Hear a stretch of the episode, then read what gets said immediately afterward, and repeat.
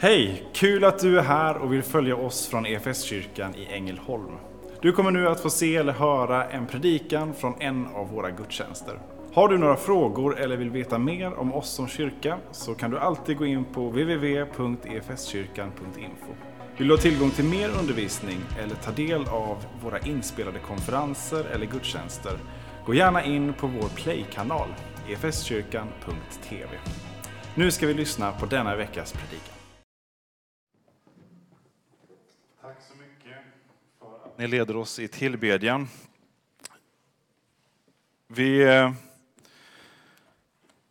behöver be för att leva. Det är eh, den troendes livslust att, att få be, andas in och andas ut. Vi får lyssna till Guds ord, vi får höra Gud tala och han får gjuta hopp och tro i oss. Men det behöver också få utlopp. Vi behöver be. Vi behöver, tror jag också, förstå att det är, eh, det är så mycket mer än bara eh, livsluft och någonting som gör att jag kan hålla näsan ovanför vattenytan. Det är kraft i bön. Och det är ett arbete också. Det finns stunder av bön då det får, Eh, det får gå av sig själv som ett rinnande vatten. Men det finns också stunder då det är motigt och vi behöver arbeta i bön. De som eh, fanns i begynnelsen av väckelserörelserna på 1800-talet i Sverige, de var helt övertygade om det. Bön är någonting vi behöver göra därför att det gör skillnad. Och då beror det inte så mycket på om jag har lust till det eller känner för det. Utan vi samlas till bön och vi ber för att be igenom och komma ut ur den här misären. Så det är vad vi, eh, vi behöver göra. Och jag skulle vilja att vi, eh, vi ber nu för, eh, för oss, för eh, att Guds ord ska få tala till oss, men också eh, be om, om den kraften att fortsätta be.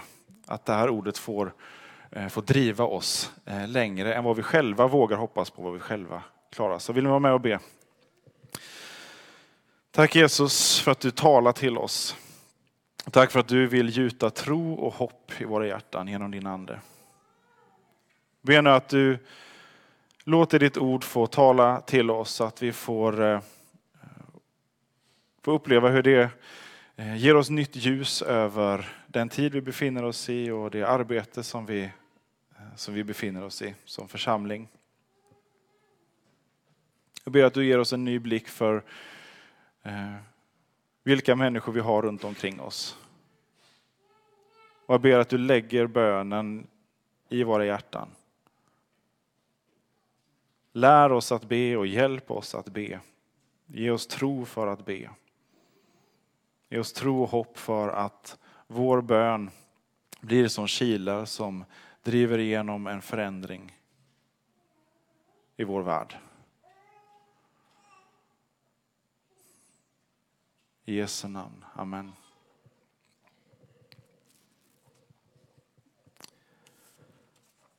Vi är eh,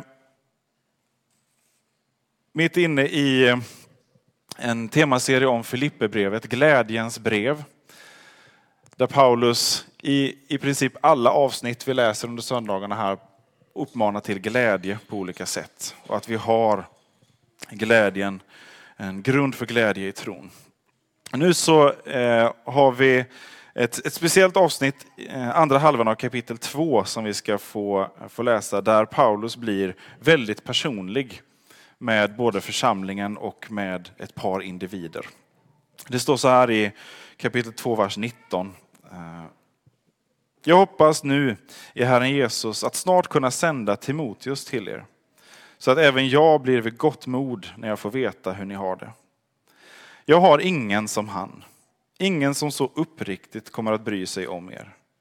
Alla söker de sitt, inte Jesu Kristi sak. Men ni vet hur äkta han är. Som en son vid sin fars sida har han arbetat tillsammans med mig för evangeliet. Och honom hoppas jag alltså kunna sända så snart jag har fått se hur det går för mig. Och i Herren är jag övertygad om att snart kunna komma själv. Vi kan pausa där, vi ska läsa vidare eh, strax. Här så, så talar Paulus om eh, Timoteus som vi möter på ganska många andra ställen. Vi kan läsa om eh, eh hur Paulus träffar honom i Lystra i eh, Asien och eh, tar med honom. Efter Han träffar honom och sen så när han och Silas kommer tillbaka till Lystra så tar de med sig Timoteus vidare sen i, i arbetet. Eh, han är son till en judinna som har kommit till tro på Jesus och eh, son till en hedning. Eh, så Paulus, det är en väldigt speciell detalj. Paulus låter omskära Timoteus. Paulus som annars är så otroligt tveksam till att förlita sig på den yttre omskärelsen. Han talar gärna om den inre omskärelsen, att Gud får, får arbeta med vårt hjärta. Men Timoteus var eh, jude av födseln genom judisk mor. Så för att inte stöta sig i onödan så lät han faktiskt omskära honom och låta honom leva då också enligt judisk sed. Och sen blir Timoteus eh, oskiljaktig från eh, Paulus. Han nämns i nio olika eh, böcker i Nya Testamentet. Bland annat i Hebreerbrevet som vi inte vet vem författaren är till, men där får Timoteus finnas med också som sändebud. Eh, och så har han också fått eh, två egna brev som finns bevarade i Nya Testamentet. Så det här är eh, en oerhört central person. Och han är, skulle jag säga, ett resultat av bön. När Paulus skriver till honom i Timoteusbrevet så skriver han om hans mamma Eunike och hans mormor Louise som båda är varmt troende och som har hållit Eh, den lille Timoteus i sina böner. Och så har han fått växa upp med tron och bli den här följeslagaren till, till Paulus. Eh, det finns en, en moderslinje av förbön här. Och jag tänkte att vi stannar vid det och, eh, och säga någonting till er som ber och kanske särskilt till er eh, mödrar, biologiska eller andliga sådana som har bönebarn. Det finns Eh, ibland en, eh, en omsorg och en nöd eh, som man bär lite mer än, än andra och kanske lite mer än vad män i gemen i alla fall eh, kan förstå. Eh, och jag vill bara uppmuntra er att fortsätta be, att inte ge upp hoppet. Jag vet inte hur länge du har stått i bön för vissa personer, jag vet inte hur länge du har haft nöd för, för den du ber för, men fortsätt be. Vi har sett så många människor Eh, genom historien blir förvandlade genom bön och inte sällan så är det genom en modersbön. Vi har Konstantin som blev omvänd och blev Roms kejsare och såg till att förföljelsen inte bara avskaffades utan att kristendomen fick genomslag i romarriket. Vi har Augustinus, den, eh, den oerhört viktiga kyrkofadern som har lagt grunden för teologin om Guds nåd eh, och som Luther lutade sig mot. Han levde ett, ett galet liv men genom en moders förbön så fick han liv igen. När han var på väg ner i döden. Så sluta inte be och tappa inte hoppet. Och den här uppmaningen går såklart till alla män och alla fäder också. Eh, jag tvivlar inte på att ni också bär på nöd och bär människor i era hjärtan. Eh, jag vill bara lyfta det exemplet på en, en moders bön och en, en moders nöd. Eh, som alltså förde, har fört Timoteus fram och gjort att han har fått tron som en grund genom livet. Och så får han möta Paulus som då får bli hans andlige far. Eh, och hur Paulus beskriver honom som att han är som en egen son. Eh, och det vi ser sen hända är ju att Timoteus ärver Paulus kan vi säga. Han får Eh, förtroende för de församlingar som Paulus har grundat till. Och gång på gång, inte bara här utan till flera olika ställen, så sänder Paulus Timoteus. När Paulus inte själv har möjlighet att komma, han kanske sitter i fängelse, eller, alltså, då skickar han andra, många gånger Timoteus, som, eh, som blir ett sändebud eh, och kommer med det som, som Paulus önskar komma med. Och det som är speciellt här är, man kan tycka, kanske fanns det en viss besvikelse i församlingen när man ville att Paulus den store Paulus skulle komma och så kommer den här unge Timoteus som utifrån vad det står i andra Korinthierbrevet kanske också var lite tillbakadragen, lite timid och inte så, så talför heller. Men det spelar ingen roll. Därför att han bär på samma ande som Paulus, han bär på samma evangelie som Paulus. Och därför så blir han, trots kanske vi kan säga sina mänskliga förutsättningar, en viktig ledare för Guds folk. Och en som kan komma med hopp och med glädje till de församlingar som han besöker. Och det är min fråga till oss. Tar vi oss an Timoteus Caesar? Jag vet inte om man säger det i plural. Ser vi de unga människor som, där Gud har lagt ner ett frö, eh, men där det kanske inte är självklart med yttre ögon eller mänskliga ögon vad, eh, vad det finns för egenskaper. Det har inte vuxit fram eller blommat ut än. Är vi en församling som väntar till allting har visat sig, vad man duger till, att, att saker har lämnat på plats, att man har mognat? Eller tar vi oss an människor som vi ser längtar efter Gud och vill bli använda av honom? Hur, eh, hur mycket det än mänskligt sett finns kvar att, att jobba med.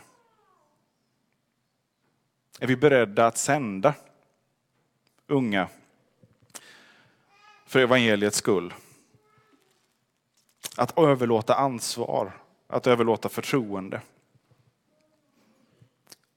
Och när vi står i olika arbeten och olika saker som vi ansvarar för, tar vi med de unga i det?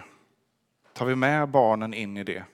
Eller låter vi dem hållas på sin kant för att vi ska få lugn och ro tills de har vuxit färdigt? Gör vi som Paulus och tar till oss andliga söner och döttrar för att vi vågar hoppas att Gud arbetar genom oss hela tiden i vilken ålder vi än är. Och absolut, det kan vara utmanande. Jag köper det. Det vet varje eh, person som har eh, haft konfaläger, varit på konfaläger. Det finns eh, ett gäng andakter där det har sagts både det ena och det andra som, eh, eh, som säkert inte skulle gå hem hos domkapitlet. Men det är precis så vi lär oss. Vem av oss har inte sagt galna... Jag har eh, jag vet inte hur många saltar, salmer jag har hittat jättekonstiga eh, tillämpningar av eh, i, i vår egen när jag var med i den kristna skolgruppen. Men det blev i alla fall en andakt och vi fick höra Guds ord. Och jag tror inte att någon kommer ihåg min utläggning av det och det är jag tacksam för. Men jag fick tränas. Och varför? Jo, därför att det fanns ungdomsledare och vuxna som sa åt mig, håll den här andakten nu. Trots att de visste att jag hade ingen aning om hur man håller en andakt. Jag har ingen aning om hur man först läser någonting från Bibeln och sen säger att det betyder nog det här. Men så talar Gud igenom det. Därför att han vakar över sitt ord. Och därför att han talar genom sin ande i oss människor. Och jag tror att det största hindret mot eh, att alla generationer kommer till tals det är inte ungdomars ovilja eller brist på kunskap eller mognad. Jag vänder mig till er, nu blir ni utpekade här. Utan det är vi vuxna och vår vilja till kontroll. Att allting ska vara så bra eller så perfekt det bara kan vara. Men vi behöver släppa den kontrollen till Gud. Och så om vi tittar tillbaka genom kyrkohistorien. Vad är det för människor som har stått i både bönarbetet och längtan och också evangelisationen i begynnelsen av olika väckelsevågor genom historien. Det är framför allt unga människor. När de inte har stått ensamma utan har fått full uppbackning av de äldste som står med i bön och som ger vägledning och undervisning. Men de unga har alltid varit i fronten. Och det innebär också att vi gör eh, uppoffringar, att vi behöver släppa på vissa saker, att vi behöver lägga tid på saker vi kanske egentligen inte hade tänkt på för att göra det här möjligt. Det blir ett personligt offer. Och jag tänker att det är det för Paulus också. Hade inte det varit underbart för Paulus att få behålla Timoteus vid sin sida och honom att, att stötta honom under hans fängelsevistelse inte minst. Och, eh, och där han är. Men gång på gång så sänder Paulus. Ger förtroendet. Han inte bara ger förtroendet, utan han offrar också någonting. Han förlorar någonting i det att han låter någon sändas. Och i, oavsett om det handlar om generationer eller, eh, eller vad det är, är vi för att evangeliet ska nå vidare och utanför så kommer vi behöva göra uppoffringar efter uppoffringar. Om det så är pengar eller tid eller att ge upp eh, både former och saker vi är vana vid. Eh, I teatervärlden när man Eh, skriver manus och sen när man ska sätta ihop en föreställning så finns det här uttrycket kill your darlings. Det finns alltid saker som är ens favoritmoment i ett manus eller i en föreställning. Men någonting måste kapas för att helheten ska bli bra. Har vi sådana darlings i församling och i gudstjänst och i, eh, i kyrkans arbete som faktiskt egentligen behöver offras för att ge plats till en helhet som speglar Gud ännu bättre. Kanske till och med min favoritgrej är någonting som jag kan låta stå tillbaka för att Gud ska bli större och använda fler. Så fortsätter vi läsa i vers 25. Där eh, Paulus har alltså precis skrivit att han vill sända eh, Timoteus och han vill också kunna komma själv. Men jag tyckte dock det var nödvändigt att skicka tillbaka Epafroditus till er, min broder, medarbetare och medkämpe, som ni sände för att hjälpa mig med vad jag behövde. Han har längtat efter er alla och varit orolig eftersom ni har hört att han blivit sjuk. Och han var verkligen sjuk, nära döden. Men Gud förbarmade sig över honom, och inte bara över honom utan också över mig, så att jag inte skulle få sorg på sorg. Därför är jag så mycket mer angelägen att sända honom, så att ni får glädjen att återse honom och jag själv får känna lättnad. Ta nu emot honom i Herren med all glädje. Visa uppskattning för sådana som han, för han var nära döden i sitt arbete för Kristus. Han satte sitt liv på spel för att ge mig den hjälp som ni inte kunde ge. Det här får vi ett exempel på hur församlingen har gjort just detta. De har sänt och eh, avstått en, en jätteviktig resurs i församlingsarbetet. Som de har investerat mycket i kan man tänka. Eh, och han räknas som eh, den första biskopen i Filippi, Epafroditus. Eh, men han har de alltså sänt till Paulus för att ge Paulus hjälp och Paulus har uppskattat det, men Epafroditus har blivit sjuk eh, och han har också fått hemlängtan. Han längtar efter er. Han är orolig för er. Här är någon som känner för eh, sin hemförsamling.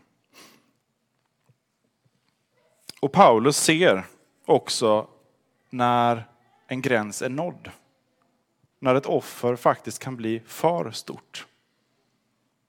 Och jag tror att det också är viktigt att ha med sig. För det finns exempel efter exempel, tyvärr, också genom kyrkans historia, när vi har eh, pressat oss själva eller pressat andra över en gräns för vad som är rimligt. Där sjukdom eller eh, annat har gjort att, att man inte klarar och så Kanske för egen del så eh, kan pliktkänslan komma in. Men jag, jag har ju lovat att göra det här. Eh, om inte jag gör det, vem skulle då? Och så fortsätter man lite till och lite till och lite till. Och den där gränsen är inte knivskarp, det är inte som den här svarta linjen. Utan när jag sen trillar ihop så har jag gått flera steg över den här gränsen. Jag lovar att det inte är Guds vilja. Att vi blir fullständigt utmattade.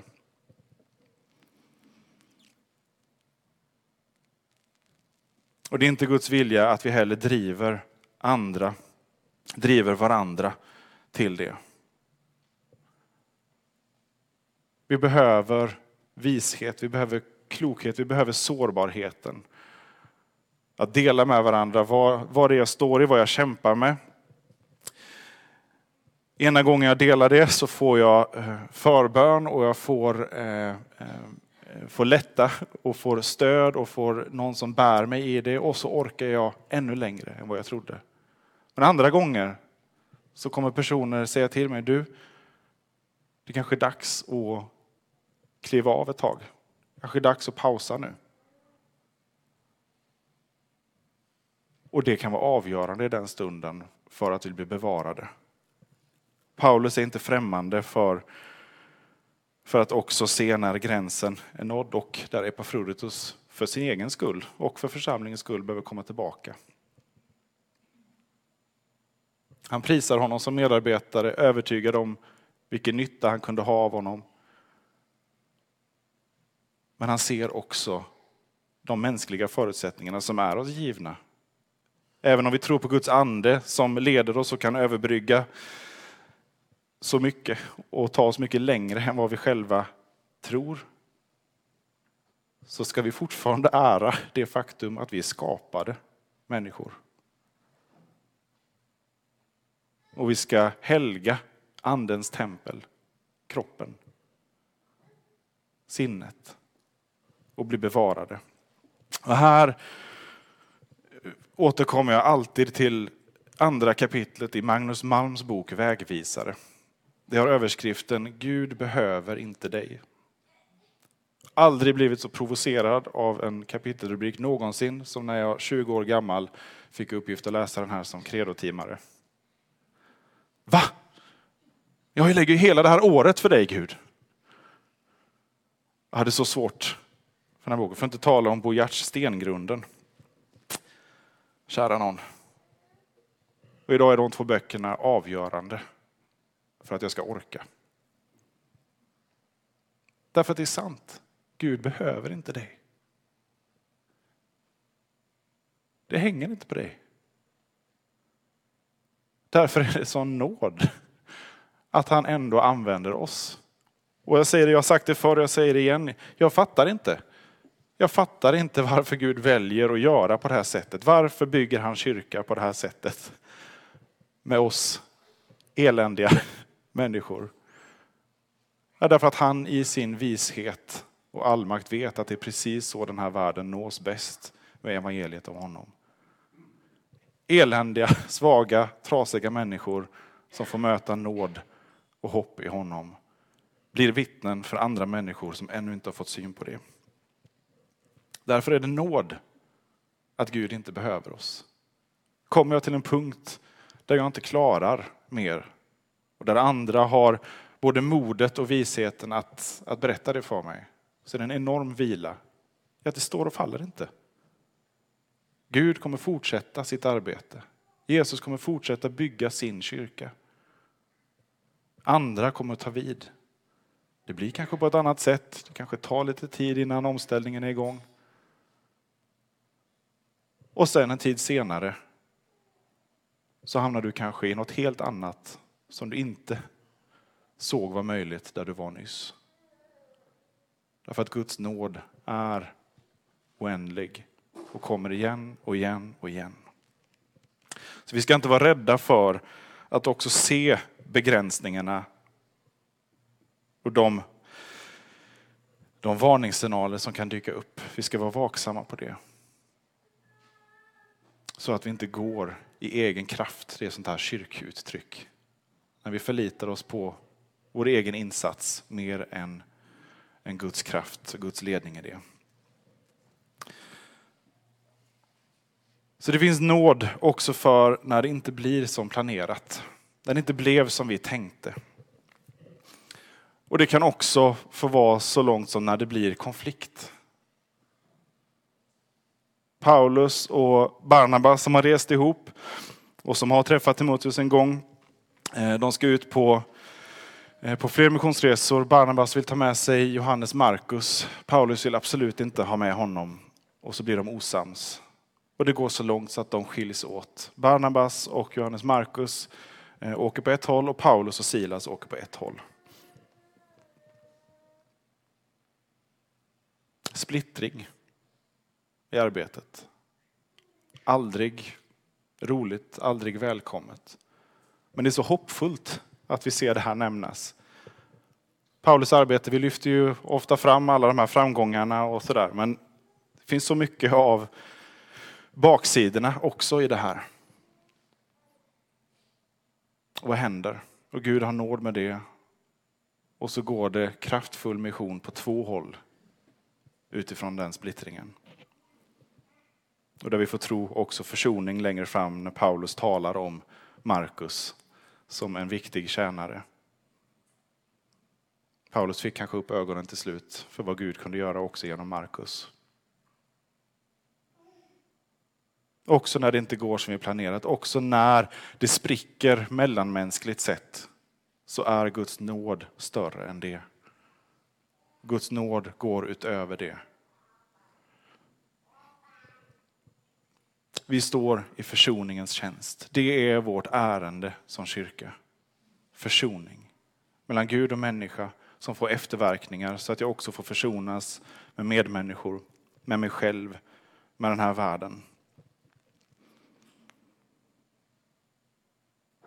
Hotet mot det är det som Paulus nämner i vers 21. Alla söker sitt och inte Kristi sak. Vi har våra darlings. Vi har det vi har tänkt att det är det här som är församling eller tänk om vi kunde få be Gud att lösa oss från det. Så att vi inte kämpar för våra egna saker utan för Kristi sak. Vad skulle det låsa upp? Om vi här under en tid framöver skulle ha med det i vår regelbundna bön Vågar vi det? Att Gud öppnar våra ögon för saker vi måste släppa.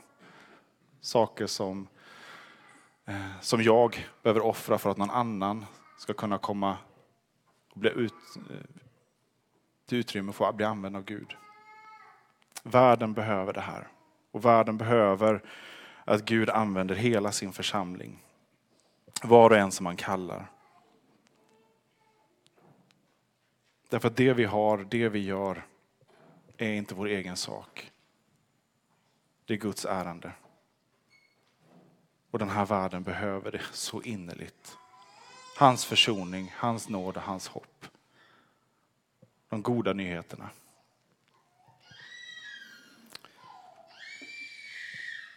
Och för att få hopp om detta ytterligare och få blicken lyft och hjärtat glatt så ska vi nu få se Glow dansa till the best news ever. Som kyrka är det en glädje att få spela en liten roll av allt Gud gör i och genom ditt liv. Vi vill gärna fortsätta följa dig på den resan. Och vill du ta reda på vad ditt nästa steg kan vara på din resa med Gud så gå in på efskyrkan.info nästa steg. Vår längtan är att få se människor och samhällen förvandlade av Jesus. Genom en kyrka som återspeglar Guds hjärta, bär varandra och betjänar människor varhelst vi befinner oss varje dag.